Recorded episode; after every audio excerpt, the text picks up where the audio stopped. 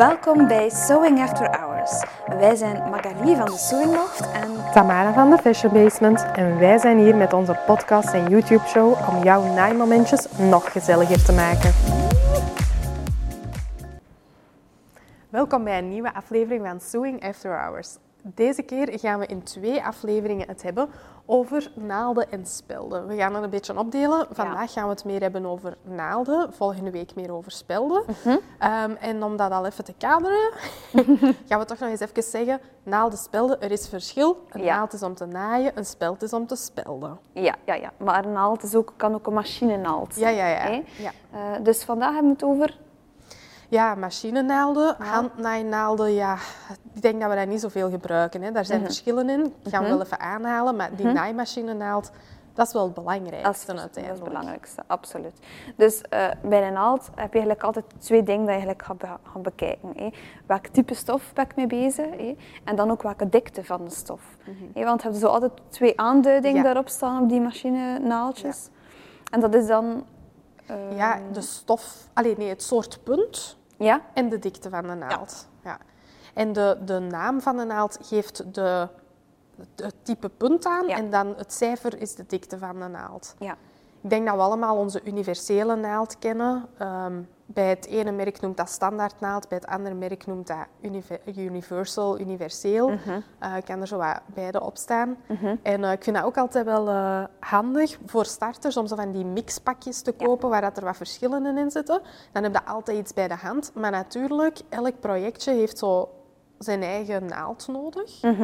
Ehm, dus zelf koop ik die niet, zal ik zeggen, die mixpakjes. Maar om te beginnen is dat wel handig, want je hebt toch een aantal dingen in huis. Ja, absoluut. Want daar is een beetje het grootste verschil in. Je hebt echt een naald nodig voor eh, universele stoffen, geweven stoffen, wil ik dat dan eigenlijk een beetje gaan benoemen, en gebreide stoffen. Eh, want daar zit het grootste verschil eigenlijk al in punt. Ofwel zit je heel scherp, ofwel is die meer afgerond, een ballpoint zoals dat we zeggen. Ehm, zodat je niet die lusjes van dat breiwerk eigenlijk los zit te trekken met een hele scherpe naald. Hè. Ja, want dat is altijd zonde. Hè? Ik denk dat iedereen dat probleem wel kent met t-shirts, die dat zo gaatjes Ja, krijgen. Uiteindelijk, ja, een breigoed is zoals een nylon panty. Dat is op zich hetzelfde. Ja, een nylon panty laddert heel snel, maar op zich is wat u een t-shirt aan het doen, is hetzelfde. Eén draad gaat kapot en dat laddert door en dat wordt een gaatje en dat wordt groter en groter. En een gewone universele naald heeft een scherpe punt die uw draad doorsnijdt. Bij geweven stof is dat niet erg. Al die draden worden op zijn plaats gehouden met dat weefsel. Eén een draad doorsnijden is geen probleem. Maar van uw breisel een draad doorsnijden is een groot probleem. Want dat gaat doorladderen en je krijgt gaatjes Ja. waar dat uw naald ingeslagen heeft in uw stof. Dat willen we natuurlijk niet. Nee, en dan hoor je vaak eh, de opmerking, ah, een universele naald, dat is universeel, dat kan ik voor alles gaan gebruiken. En dat is een beetje de fout. Ja, ja, ja, maar ik denk ook wel het grootste onderscheid is inderdaad die geweven stoffen en die breisels. Maar ik denk de microtextnaald is toch wel de tweede belangrijkste naald, zal ik zeggen. Die univers, allee, de universele naald, de microtextnaald en dan de tricot, stretch, eh, stretch jersey naald, allemaal oké. Eh, maar die microtex, ja, dat is ook voor die geweven stoffen, maar met een extra lange, scherpe punt, zodat die je delicate stof niet gaat be- beschadigen. En eh, ja, ik denk, maar dat hangt natuurlijk zo wat samen met die diktes. Eh, heel vaak denken mensen van, ah ja, ik heb een dun stofje, ik moet een microtex nemen. Nee, Maar daar draait het niet helemaal om natuurlijk. Hè. nee eh, de microtext is natuurlijk enorm scherp. Hè. Dus eh, daardoor kan die heel fijner ja, perforaties gaan gemaakt in je stof. Maar evengoed is het soms te scherp, vind ik. In de Ja. krippen kan die zodanig scherp zijn dat die eigenlijk echt ook weer draadjes trekt in je stof. Dat je dan toch beter bent met een hele dunne universele naald, ik denk het 60 of het 70, dan dat je weer die scherpe microtex gebruikt. Want microtex kan je ook gaan toepassen in fijn leder. Ja, ja, zeker en vast. Want ik hoor soms ook wel van, ah ja, een zware stof heeft dan een dikke naald nodig. Maar ik vind soms net het omgekeerde. Een eh, dikkere, zware stof, die zijn vaak ook, niet altijd, maar als die heel strak op elkaar geweven zijn, die draden zijn heel dicht tegen elkaar geduwd, dan wil dat zeggen dat je een heel eh, ondoordringbaar oppervlak bijna krijgt. En om daar door te geraken, zijn je net beter met een heel dunne naald. Ja, De kans dat je die gaat breken is natuurlijk wel veel groter, dat is zeker en vast zo. Maar met een dikke naald heb je vaak een te ja, eh, harde inslag.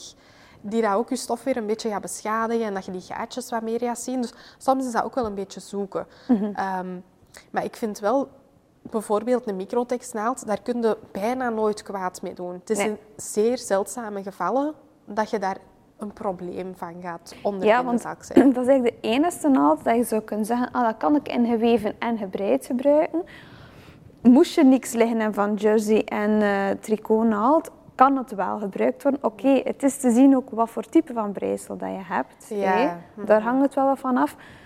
Maar dat is de enige naald waarbij dat je een klein beetje in dat grijs gebied kan eh, gaan werken. Ja, wat ik wel vind is met zo'n tricot, ja, dan moet je natuurlijk oppassen, want als je een draad doorsnijdt, krijg je gaatjes. En met een microtextnaald met die extra scherpe punt, ja, is de kans ook natuurlijk groot dat je een draad doorsnijdt.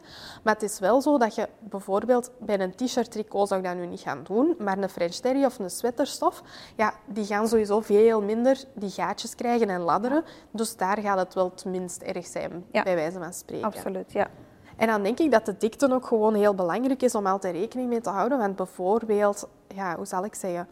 Als je een hele mooie, ja, ik weet, ik gebruik dat vaak als voorbeeld, maar dat is gewoon handig. Zo'n bruidsatijn is heel delicaat, maar heeft wel wat extra zwaarte. Ja, heeft wel body, hè. Ehm, ja, en natuurlijk, ja, ik zeg dan bruidsatijn, maar je kunt dat ook voor feestkleding. Hè. Dat is niet alleen voor bruidsjurken, maar voor mooie feestkleding of zo.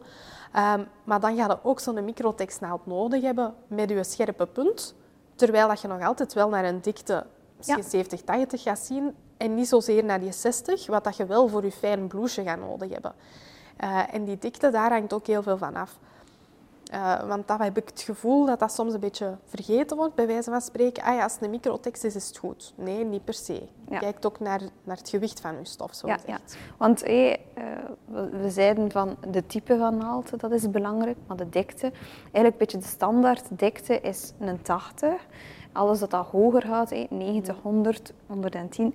Het, ik weet, het gaat nog hoger, maar ik heb Ja. het nooit gebruikt. Ja, nee. Maar dan ga je ook weer naar beneden. hé. Hoe lichter het 70, 60. Ja. Lager dan 60 heb ik ook nog nooit tegengekomen. Nee, Maar- nee, nee.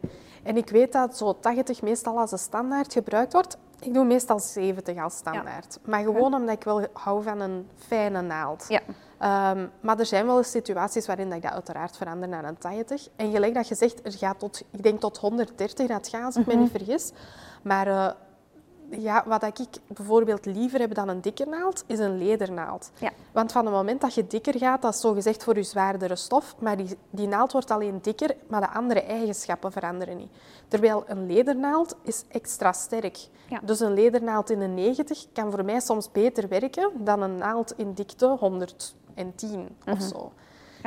Ja. Bijvoorbeeld in een jeansbroek, dat je zou zeggen van hey, het is echt hele dikke lagen. Je hebt dan al een jeansnaald, oké. Dan zou je kunnen zeggen, oké, ik ga daar hoger gaan in mijn cijfer.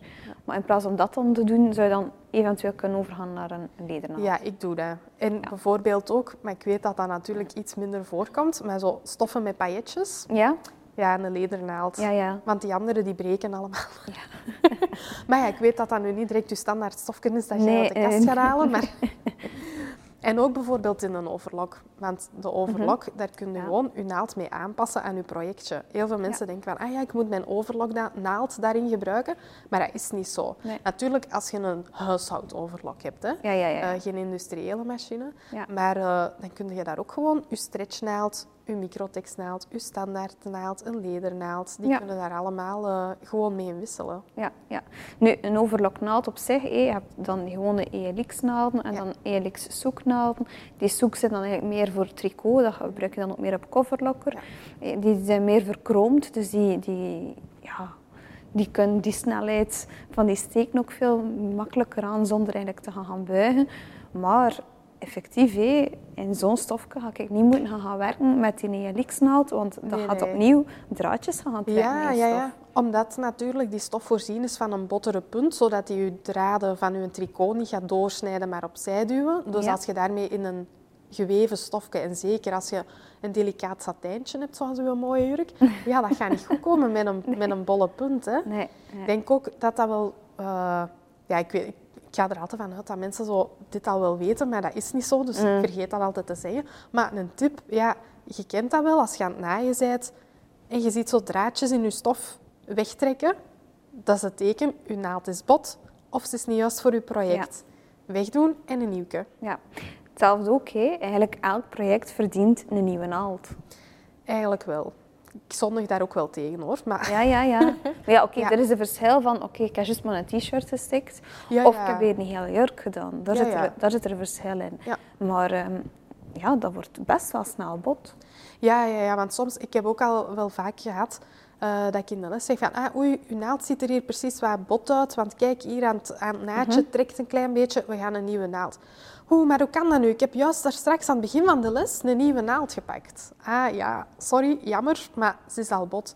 Maar hoe dikwijls, ja, en dat is ook natuurlijk, haal je spelden uit je stof voordat je erover stikt. Stik er niet over, want je zit zo gemakkelijk met je naald op en je metaal op metaal, dat weten we, dat gaat dat loopt mis. Zelfs als uw naald niet gebroken is, want dat zie ik ook dikwijls zo, toch blijven verder stikken, want de naald is niet gebroken. Nee, ze is niet gebroken, maar je hebt ze er op oren uitkomen, dus zeer waarschijnlijk is het puntje eraf en je bent je stof aan het ruïneren. Doe dat niet. Ja, of om terug te keren in naar die situatie.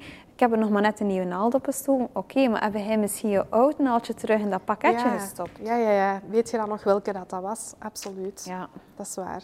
Ja, en zo'n goede naald, allee, dat klinkt misschien heel banaal, maar als je aan het stikken bent en er, zijn, er trekken draadjes in je stof, ja, dat is wel heel erg zonde, want dat krijg je nooit Absoluut. meer opgelost. Nooit meer goed. Heb je een printje, een eh, gesublimeerde print, die daar bovenop je stof gedrukt is, ja, die zijn kwijt. Hè? Dat Ja. verschuift en je krijgt dat nooit meer op de juiste plaats. Nee. Ik denk ook altijd aan het begin van je projectje even je naald erin steken, testen op een proeflapje en dan beginnen op je goede stof. Dan zijn je altijd zeker. Eh, maar ja, dat zijn ook altijd de, de dingen, de mooie dingen dat ik aan mijn cursisten zeg en dan doe ik dat zelf niet altijd. Uiteraard. Ja, Eh, ja, ja, ja. Maar het zou eigenlijk een goede gewente moeten zijn dat je van in het begin aanleert eigenlijk. Hè? Wat ik altijd doe, dat is ook een leuke tip om mee te geven, is eigenlijk een lapje van je stof nemen als je twijfelt. Dus als je zegt, oh, moet ik nu een 70, 80 of 90 gaan nemen? En je neemt en je doet gewoon je ogen dicht en je prikt eens met die verschillende naalden en gaat voelen. En waar dat. Ja. eigenlijk in gaat als boter, dan weet je, oké, dat is mijn goede naald dat ik moet gaan gebruiken. Dat is waar. Wat ik ook vaak tegenkom, is ehm, in bepaalde stofjes, als uw stof wat steviger is, ehm, dan heb ik soms cursisten die zeggen, oh Tamara, mijn steek is niet goed. Kun je eens meekijken? En dan ga ik zien. En dan zie je eigenlijk de steekjes zo wat schuin liggen heel de tijd. Dus Ah, niet mooi recht in één lijntje, Ja. maar wat schuin. Maar dat is eigenlijk perfect normaal. En eh, ja, ook niet, niet meer dan normaal, want als je je inbeeldt, je naald gaat in een gaatje door de stof en komt er terug uit. Maar je draad is daar wel moeten in de stof gaan en komt terug uit die stof. Die kunnen ook bijna niet anders dan naast elkaar gaan liggen in de plaats van voor elkaar. En hoe dikker of ja, hoe steviger je stof geweven is, ik moet het eigenlijk zo zeggen, Ja, ja. hoe dichter dat die draden op elkaar geweven zijn, hoe dichter het oppervlak en hoe meer dat je draadjes naast elkaar gaan liggen. In een lossere stof gaan die meer voor elkaar liggen en gaat dat meer één lijn vormen. Ehm, dus dat is compleet normaal. Het ligt niet aan uw naald, het ligt niet aan uw steek. Het is normaal. Ja, ja. Maar dat is, dat is al een heel technische uitleg. Ik weet het, maar dat is echt iets wat ik heel vaak zie. En dan blijf zo een half uur aan de machine werken om dat Ja. goed te zetten. Ja. En dan naalden vervangen en nog één. En oh nee, het is geen goeie, ik ga ze in de vuilbak. Maar het ligt niet per se aan uw naald. Ja. En dan eh, heb je natuurlijk ook nog de beruchte tweelingnaald. Dat is ook nog Ja. eentje. Dat is waar. Ik heb daar zelf niet al te veel ervaring mee, want Mhm. ik heb het geluk dat ik een coverlock heb. Ja. Ehm, Nu, je hebt dat opnieuw in geweven variant eh, en gebreide variant eh, qua tip. ja. En dan ook qua afstand kan je er ook wel gaan, eh, gaan inspelen. Belangrijk is daar altijd voor toch een klein beetje te spelen met je spanning en die te gaan verminderen. Want anders zit die spoelspanning en dan bolt Ja. dat zo wat op. krijg je tussen zo een, een bultje tussen je twee Ja. stiksels. Hè. Dat is altijd een beetje jammer. En eh je spanning lager is altijd wel goed. Wat ik soms ook wel eens eh, vroeger durfde doen, als ik dan toch eens een tweelingnaald boven haalde, was... Maar dat gaat natuurlijk niet voor elke machine. Maar als je een naaimachine hebt met nog een spoelhulsje, dus niet Mhm. zo om je spoel in te leggen, maar echt met een hulsje, om aan dat spanningsveertje mijn spanning wat lager te gaan zetten, zodat die draad van mijn spoel niet te strak stond. En dat kan je natuurlijk alleen maar doen met de machines Yes. waarin dat die shuttle op die manier erin Ja, zit. hè. klopt. Met die platte kun je eigenlijk Nee. niks van gaan doen. Dat is soms dat wel jammer. jammer. Ja.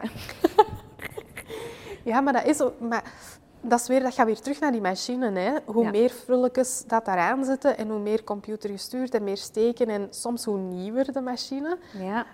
hoe minder dat je daar zelf aan kunt gaan zitten regelen. Ja, of en- of hoe complex dan al die, die, eh, die instellingen zijn. Hè. Ja, ik heb ja. mensen die komen naar en dan, dat is een en al computer en dat is met een stylus en dan moet je zo en zo Ja. doen. En, oh, dat ik dan denk, ach, je moet gewoon je bovendraadspanning veranderen. Waar zit dat hier op dat machine? Ja, en soms lukt dat ook niet altijd. Hè. En dan, ja, ik, weet, vaak wordt er gezegd bij je spoel, je mocht aan die spanning, spanning niet aankomen. Nee, Maar ik zit daar toch dikwijls aan te prutsen. En met de Ja. nieuwe machines gaat dat niet altijd. maar ik ging zeggen, dat is al geavanceerd. Ja. Dat, ja. dat, dat is toch niet iets dat je direct gaat aanraden. Meestal niet, maar bij die tweelingnaald vind ik dat soms, als je daar iets aan kunt doen, Ja. helpt dat soms wel. Dat. Maar ik zeg het, ehm, het is niet dat ik daar de grootste ervaring mee heb. Maar ja, die coverlock, dat brengt ook weer zijn eigen uitdagingen natuurlijk Ja, ja, ja, mee, hè. Maar ja, ja.